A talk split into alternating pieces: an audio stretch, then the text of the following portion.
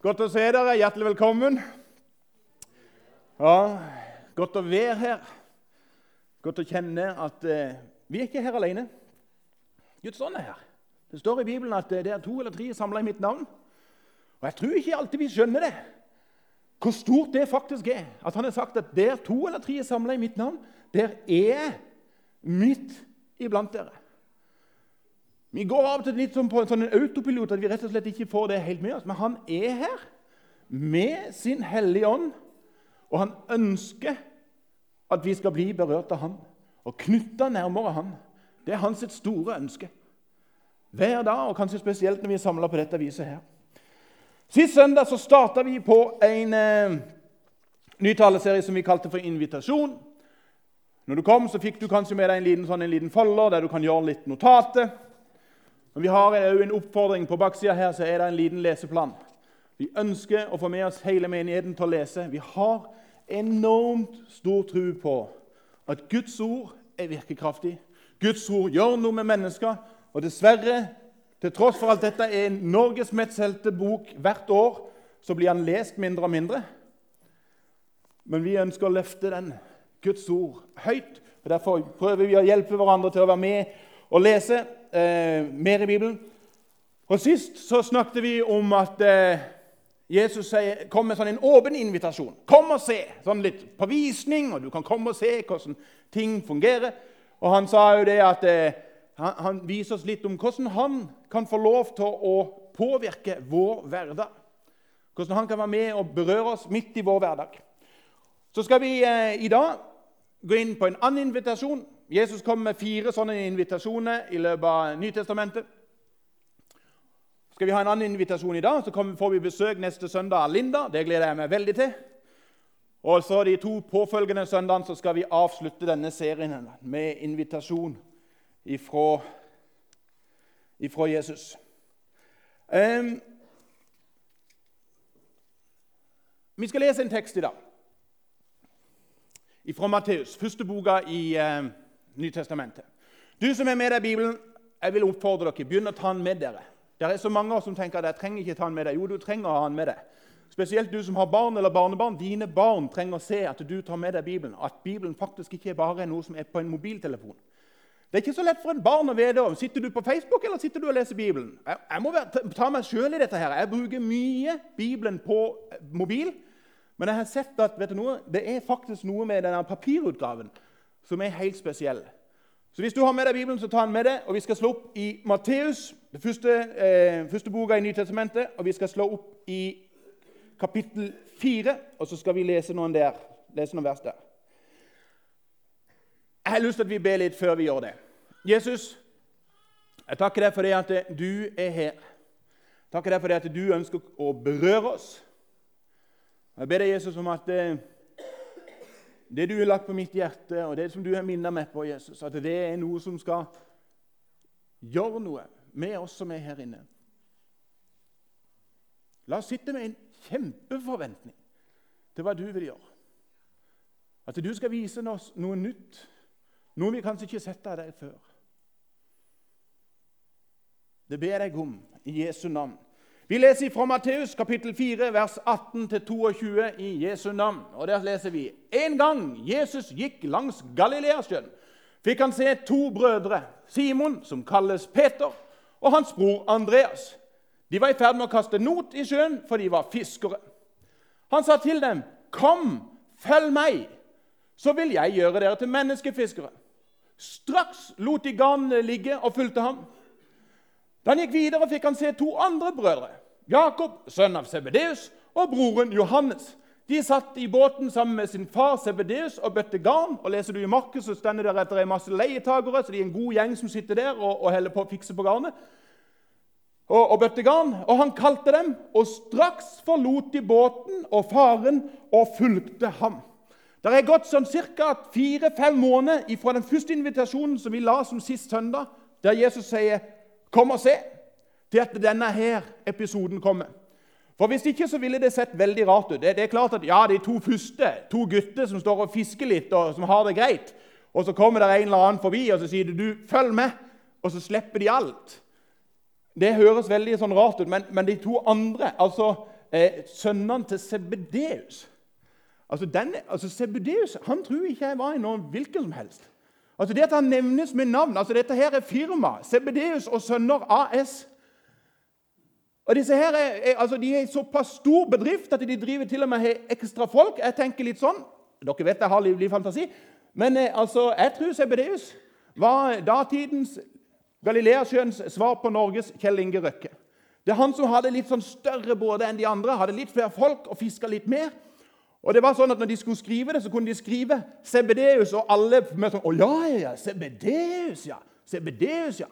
Og Hvis du er veldig veldig lur, så skal du gå hjem og så skal du lese Bibelen veldig nøye. Så står det til og med om kona til Sebedeus. Og Hvis du lurer på hvor det står henne, så kan du komme til meg etterpå.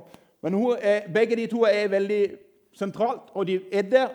Og så i denne settinga her at to av hans sine sønner plutselig får en invitasjon på ei strand og så reiser på en måte komprisen seg. Disse som skal arve sjappa, de forlater alt og begynner å følge Jesus. Og Det er klart at det kan se ganske merkelig ut, men jeg har spurt meg sjøl noen ganger hva er det som får disse fire guttene her Hva er det som får disse fire guttene her til å slippe alt det de har, og begynne å følge? Hva er det med den invitasjonen som er så spesiell? Før Jeg sier det, jeg tror det ligger i teksten, men før jeg sier det, der ligger en annen ting i teksten som jeg har møtt veldig ofte når jeg prater med folk. Og Det er at du vet du noe, det der med å følge Jesus det har jeg ikke helt trua på, for da må jeg gi slipp på så veldig mye. Vet du, Hvis jeg skal følge Jesus, da må jeg slutte å fiske. handler det for disse guttene, Men for en del andre så vil de sagt at hvis jeg skal følge Jesus, da må jeg slutte å gå på fest. Da kan jeg ikke sove lenge på søndagen. Da må jeg slutte med det ene og med det andre. Jeg må slutte å drikke, jeg må slutte å baksnakke. Jeg må slutte å bekymre meg. For det står jo i Bibelen at uh, 'vær ikke bekymret'. Og så skal jeg på en måte Hvordan skal det fungere? Og så er det en hel haug med ting som folk tenker at å, hvis jeg blir en kristen, da er det ikke greit. Eller som en sa til meg Hvis jeg skal bli en sånn som følger etter Jesus, da mister jeg jo all glede i livet. Og jeg tenkte med meg sjøl han må jo ha en opplevelse av at Jesus er en gledesdreper. Og det er ganske langt ifra min opplevelse av Jesus. Han er definitivt ikke noen gledesdreper. Men det som vil skje akkurat i det vi har lest nå, er at, eh, at Jesus gjør noe som jeg vil nesten kalle for et litt sånn bibelsk prinsipp. Han eh, gjør en greie som en kan se veldig mange plasser i Bibelen. Gud kaller noen ut av noe for å gå over i noe annet. Det er ikke bare sånn at Han bare spør dem, kan dere slutte med det dere holder på med. Nei, nei, nei. Han sier kan jeg lede dere ut av noe og inn i noe annet. Det som Jesus denne her framfører oss og sier, vet du noe, kan jeg få lov til å lede deg ut av bekymringer, ut av fangenskap, ut av negativt tankemønster, av avhengighet, av dårlige vaner, av uvaner. Kan jeg få lov til å lede deg ut og så ønsker Jesus å lede oss inn i noe som er bedre. For jeg tror nemlig det er alltid når Jesus kommer og ønsker å lede oss ut av noe, så er det fordi at han har noe bedre for oss som vi kan få lov til å gå inn i. Når Jesus inviterer disse oss her inne i dag til å følge han, så er det veldig mange som ofte tenker denne tanken som jeg var inne på, jeg må forsake et eller annet. Jeg går glipp av et eller annet. Personlig så kunne jeg jo hatt det fokuset sjøl. Ja, ja, ja, Jesus kalte oss til å komme til Porsgrunn. Ja, da må jeg forsake ei sørlandsperle av en flott liten by nede i Sørlandet. Der det er knapt nok snø. Bortsett fra akkurat denne helga her, da. Og så måtte jeg forsake mye kontakt med familie og venner. Eh, og så kunne jeg hatt det som fokus. Å ja, det har kosta meg forferdelig mye å komme til Porsgrunn. Hvis det var mitt fokus på min opplevelse av kallet for Jesus, så hadde det blitt utrolig negativt og utrolig kjipt. Men det Jesus gjør, og som jeg ser igjen og igjen eksempel på i Bibelen, er at han jeg får lov til å gå ut av noe og inn i noe som jeg syns er fantastisk bra. Og vet du noe? Han gjør det samme som jeg av og til gjorde når jeg hadde små barn. Hvis du har vært borti det der med unger, enten du har noen sjøl eller kjenner noen som har noe, eller vært borti noen, så er jo barn veldig skjønne helt til de blir tre år. Da er det jo sånn du lurer på om du kan hive dem. Da kommer de inn i den trassalderen, og alt er bare sånn helt utrolig vanskelig og kjempekjipt. Og, eh, og det rare er at eh, i den der settinga der, det, det, er nesten uten unntak, så finner disse her treåringene en eller annen lege som gjerne er storebror sin eller storesøster sin. Og så de, holder de på den. Og så står gjerne storebror eller storesøster på sida og sier 'Det er min lege! Jeg legen min!' Og så bare ser du hvordan de bare i hele den er min. Det er min lege. Og Der fant jeg ut at det er en veldig enkel ting. Det er jo bare å gå bort til den treåringen og holde opp en lege som er mye finere. Og så sier jeg, 'Seriøst, skal du lege med den kjipe legen der?' Sier jeg, pappa har her. Og så slipper de tingen. Og så går de for dette som er mye bedre. Og Det er akkurat dette Jesus gjør. Han sier, 'Jeg ser hva dere holder på med for noe.' Jeg ser utfordringene, jeg ser bekymringene, jeg ser alt det fiskegarnet som du holder på med. Vet du noe? Jeg ønsker å lede deg ut av det, for jeg har noe som er så veldig mye bedre, som du kan få lov til å komme inn i. Og Det er det som gjør at eh, når jeg står her i dag, så er det ikke hva jeg har forsaka for å komme til Porsgrunn, som er mitt fokus. Nei, det jeg ser, er jo hvilke fantastiske velsignelser som vi har fått lov til å erfare etter vi kom hertil. Ja, ja, det koster litt. Ja, det, det er det. Ja, Vi ser ikke familie og venner like ofte som før. Men det vi har fått, er så utrolig mye større enn det vi hadde. Og Det er det Jesus hele tida tar dere med på.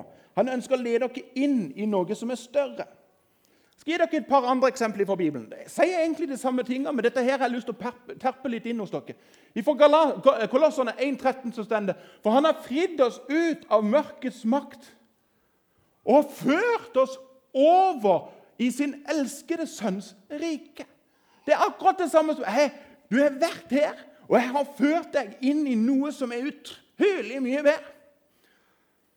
For oss som er kristne, så kaller vi dette for å bli frelst. Og for å gå fra død til liv, fra mørke til lys. Så er Utfordringa i dagens samfunn at ordet 'frelst' det har jo snart blitt vanna så ut. At eh, det, altså, Nå er du jo frelst i alle retninger. Du, du er fotballfrelst og jeg, jeg, måtte google det bitte grann.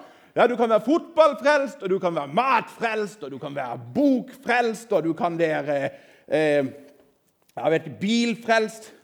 Jeg vet ikke hva slags frelst du ikke kan være. Og I dagens samfunn er det blitt litt sånn at ja, det er sånn OK å si at du er en kristen. Men ta så stig inn i en forsamling og si du, 'Jesus har frelst meg'. Da får en noen blikk med en gang. Da er det litt sånn at eh, 'Vet du noe? Jeg hører hva du sier, men det er greit at du tror det, men du trenger ikke si det høyt.' Altså, blir, altså, hvis du er den typen som sier 'jeg er frelst', så er det en del som vil si 'du er litt mye'. Det er litt mye når du kommer. Men det er jo greia er jo det er derfor Jesus kom. Ja, han sier det jo sjøl en plass. og sier, 'Jeg er ikke kommet til verden for å dømme verden, men jeg er kommet for å frelse.' Jeg har tenkt at jeg skal føre deg ut av noe og inn i noe som er uendelig mye større. Det er derfor vi har en kirke. Det er derfor det fins en gudstjeneste. For det er fortsatt frelse å få. Sist søndag så hadde jeg en mektig opplevelse. Først hadde vi en herlig gudstjeneste her. Så satte Sissel og meg oss i bilen, og så kjørte vi ned til Grimstad og fikk servert deilig middag av våre barn der nede. Og Klokka halv ni på kvelden så var jeg invitert til å tale på et ungdomsmøte. Og for et ungdomsmøte! Vet du noe? I den salen Jeg vet ikke hvor mange lange tider jeg sa det etterpå i et ettermøte der det var så mye ungdommer som snakket om at de hadde vært på visning i lang stund. Der Jesus hadde sagt 'Kom og se, kom og se'. Og plutselig så handla det ikke lenger om 'Skal jeg bare se meg rundt om dette her?' Men plutselig så ble det en sånn en 'Kom og følg meg'. Og Den søndagen så var det to av de som helt konkret sa vet du noe? Jeg gir meg over. Jeg ønsker å følge Jesus. Og så sa de jeg ønsker å bli frelst. Det er fantastisk. Og så I tillegg så var det en hel haug med mennesker som sa vet du noe, jeg trenger å komme ut av noe og bli ledet inn i noe som er større. Jeg har stått i så mange vanskeligheter, og så ser jeg nå at Jesus kaller meg inn i noe annet som er bedre for meg. Det er, det, det er derfor vi holder på. For å lede mennesker ifra noe som ikke er bra for dem, og inn i noe som er uendelig mye større. I Gamle testamentet så har vi et annet kjempe sånn bibelsk bilde på dette. her. For du som har gått på søndagsskolen, så har du kanskje hørt om at israelsfolket, jødefolket, var fanga i Egypt. Hva er det Gud gjør for noe? Han sier, 'Vet du noe? Jeg vil lede deg ut av Egypt.' Og så vil jeg lede deg inn i løfteslandet. Jeg vil ta deg ut av det du står i, for jeg har noe som er så uendelig mye bedre for deg enn det du tenker. Og det er til tross for at når du leser om jødefolket, så vil du se at det er en del av de som sier ja, men skal vi ikke bare gå tilbake igjen til det vi hadde? Det var kanskje det beste. Og Så sier Gud hele tiden nei, vet du noe, har noe som er så uendelig mye større og mye bedre, som du kan få lov til å stige inn i. Jeg har en invitasjon til deg til noe bedre. Ut av noe for inn i noe som er større. Og vet du noe? Jeg skulle virkelig ønske at det var enda flere kristne som hadde sett dette bibelske prinsippet. Du, La oss gå tilbake igjen til denne treåringen, trassige treåringen.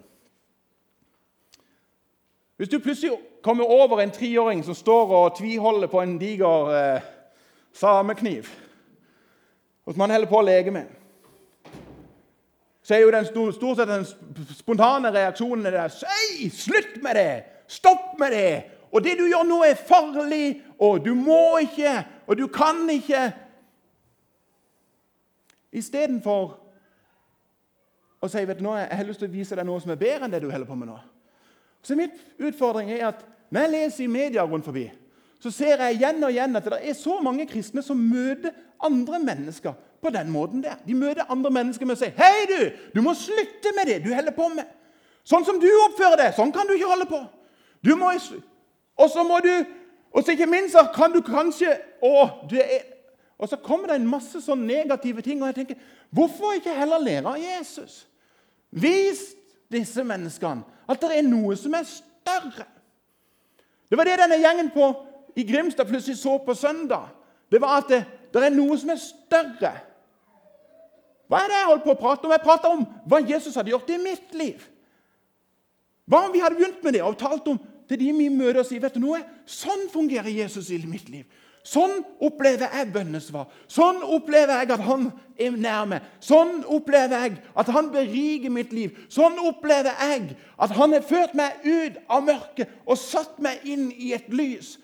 Istedenfor å stå og si til mennesker du må slutte med, og du må kutte ut, og du bør det ikke, og du skal ikke. Det er så mange medier, så mange settinger og så mange kanaler der akkurat dette her blir gjort. Der de peker på masse folk, og så sier de 'mine venner, kollegaer, offentlige ansatte, kjendiser' Og så kritiserer de de nord og ned, istedenfor å peke på én og si vet du noe, det er én som har forandra mitt liv. Og vet du noe? Når folk ser hva de, som har skjedd i vårt liv, så smittes det over en lyst og en lengsel etter hva er det du har som jeg ikke har. Jeg hørte en kollega med forleden fortelle at hjemme i hans menighet så opplevde de plutselig at det kom inn ei muslimsk dame. Heldigvis så møttes ikke denne muslimske dama sånn som veldig mange muslimer blir møtt av folk her i dette landet. Det er mer sånn at eh, du burde skjerpe deg, det dere holder på med, er ikke bra. og alt det der. Men denne dama kommer inn i denne gudstjenesten. Og hun har en stor utfordring. Livet har vært ganske så traumatisk. Og En av hennes store store frustrasjoner er at hun aldri har fått bønnesvar. Hun har bedt i tider og utider. Men alltid så har det vært taust i andre enden. Og Så kommer hun inn i denne gudstjenesten, og det er en lang vei før hun kommer dit. men vi tar ikke det med nå, men Hun kommer inn i denne gudstjenesten. Der møter hun noen mennesker som ser henne, som får en samtale med henne. Og Så forteller denne herne muslimske dama hva som ligger på hos sitt hjerte. Og Så sier det en liten gjeng som sitter rundt henne, og så sier de ja, men du, hvis du vil, så kan vi be for deg. For vi har opplevd at Gud svarer våre bønner. Og Så takker hun ja til det, og så skjer det rett og slett et mirakel der og da. Dama får ut umiddelbart bønnesvar. Der det både, Hun må det bare helt sånn eksplodere for meg. Så Er det mulig? Jeg bare spør dere, folkens. Tror du at de trengte å ha noen lang diskusjon med den dama etterpå hvem som har med en levende Gud å gjøre? Nei, for hun hadde jo sett det sjøl. Hun så jo sjøl hva hun var kommet ut av, og hva hun var kommet inn i. Da trenger du ikke å stå med noen pekefinger og si du må slutte med det, du må kutte ut. Vet du noe? Da er det en annen som tar tak i det og så sier vet du noe? Jeg har så uendelig mye mer for deg, som er så mye bedre for deg, som du kan få lov til å stige inn i. Folkens, vi har jo fått så ufattelig mye. Tenk hva du har fått av gave av Gud. Du må aldri glemme jeg har sagt det før, aldri glem at Den hellige ånd bor i ditt indre. Du som tror på Jesus, Den hellige ånd bor i ditt indre. Den samme kraft som reiste Jesus opp av graven, bor i ditt indre, du som tror. Du har fått så uendelig mye.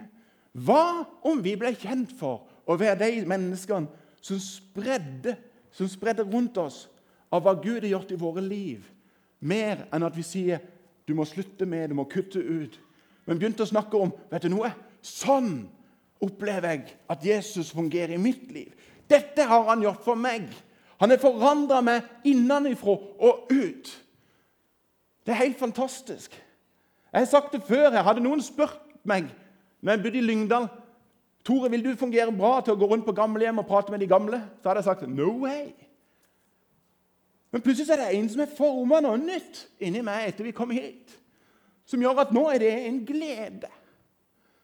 Og Så får jeg lov til å se hvordan han former mitt liv. Og så kan jeg få lov til å peke på én som gjør at mitt liv blir forandra til det mye, mye bedre. Kom og følg meg. Det er mer å stige inn i. Vi skal gå inn for landing.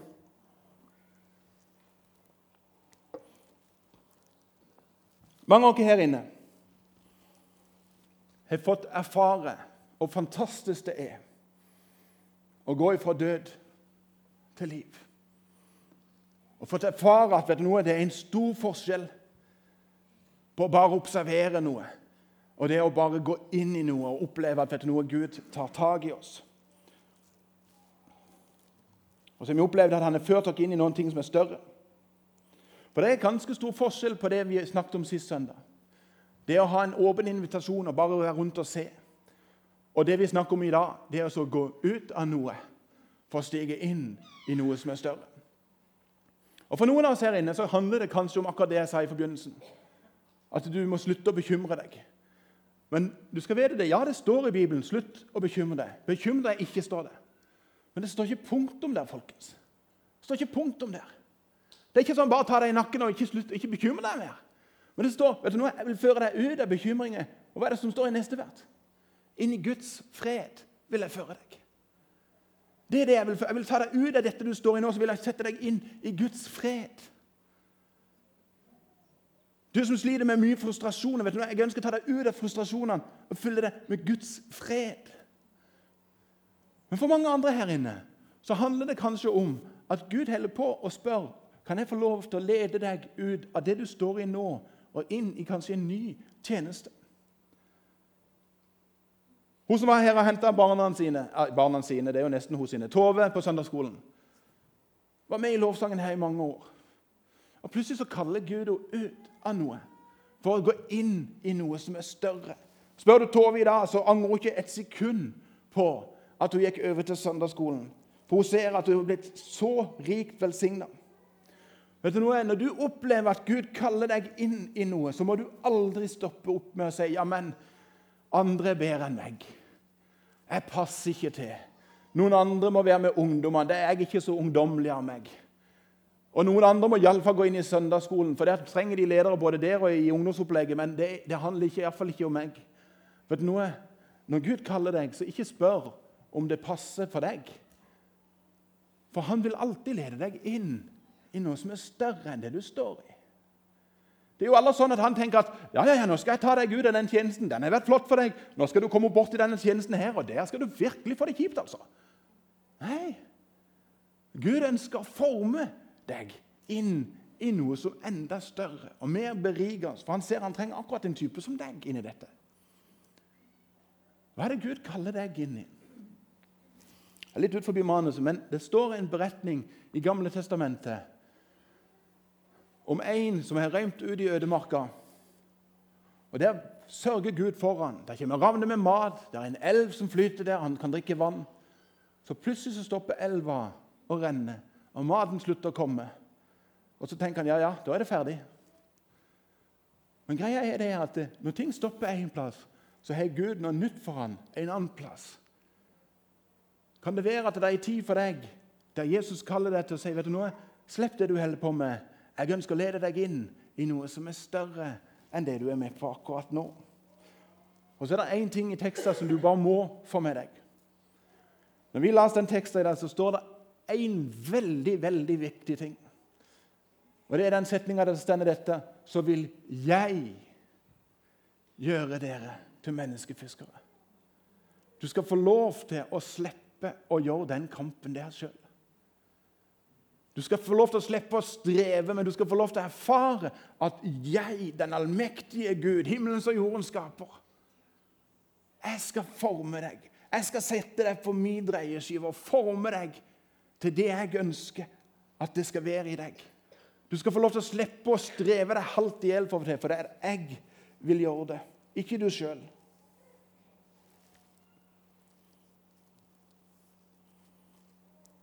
Så hvis du kjenner at Jesus inviterer deg i dag til hva det enn det måtte være for ditt liv, ikke nøl. Ikke nøl. Han har noe som er så uendelig mer rikt for deg. Lovsangstimen, dere kan komme opp, så skal vi be til slutt. Jesus, takker deg for det at eh, du alltid kaller oss inn til noe som er større. Jesus, du har kalt oss til å være menneskefiskere, dvs. Si å knytte mennesker til deg og være dine ambassadører. Og Så skal vi få lov til å slippe å gjøre det i egen kraft, men du skal forme oss. Du skal danne oss. Og Jeg ber deg, Jesus, om at vi som sitter her inne, at vi er vidåpne når du inviterer oss til å slippe tak i ting som du ser at ikke vi trenger å holde på med som vi fyller våre liv med, som ikke vi trenger å fylle våre liv med.